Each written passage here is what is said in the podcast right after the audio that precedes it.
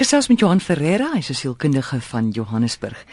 Johan, iets wat ek ondervind by baie mans is dat hulle die eerste helfte van hulle lewe jaag hulle iets na buite hulle status of geld of of daai verhoging en dan ten koste van die tweede helfte van hulle lewe wat hulle hulle gesondheid, hulle het hulle self verwaarloos op 'n manier. Hulle gesondheid is dan in hulle pietjie in. Hmm.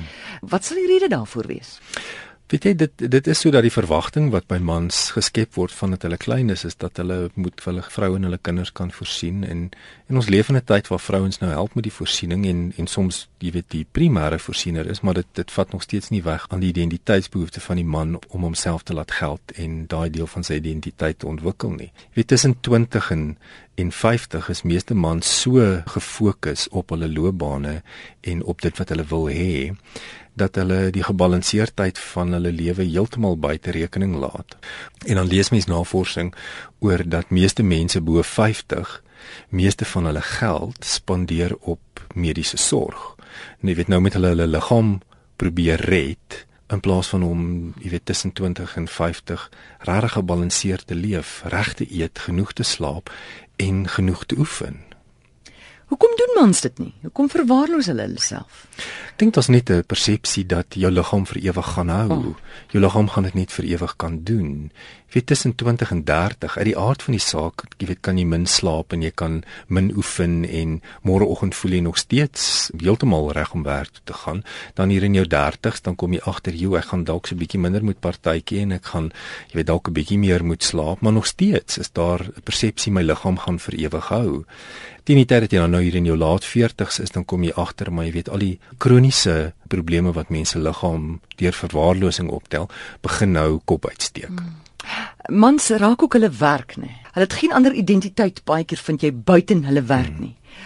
En dan sê matriele af en dan weet hulle nie wie hulle is ook nie. Wat kan mans doen om vroeër in hulle lewe daai balans daar te kry? Mens kan nie net vir hulle sê, hoor hierso, jy moet dan ten minste 'n uur per dag oefening doen nie. Jy moet dan ten minste 8 uur per nag slaap nie. Wat kan ons aanspreek op 'n emosionele vlak by mans dat hulle wakker skrik vroeër?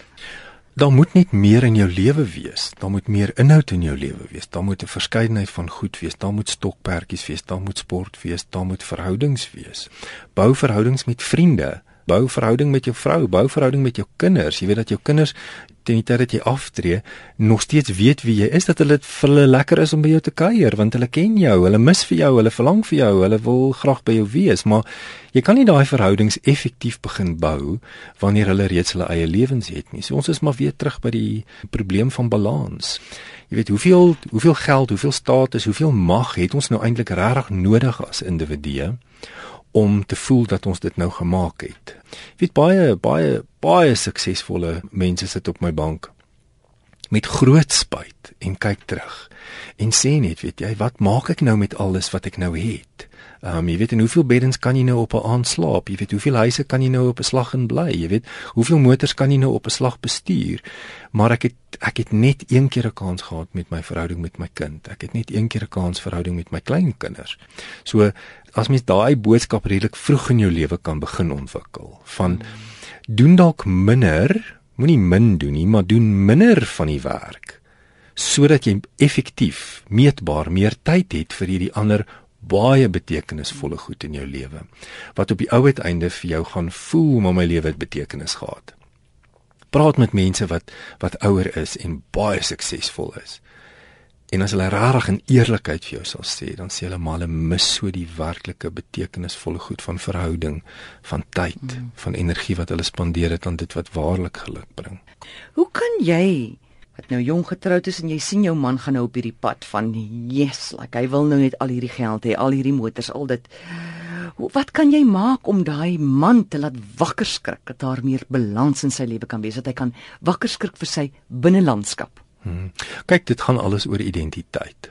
Mans soek maar na die na die simbole aan die buitekant, want dit reflekteer hulle dink dit reflekteer dit wat hulle aan die binnekant is.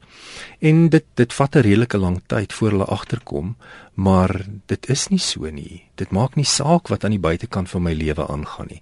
As ek nie aan die binnekant effektief leef en regtig gelukkig is nie, dan gaan ek nie uiteindelik selfverwesenliking beleef nie. Ek gaan regtig nie gelukkig wees nie.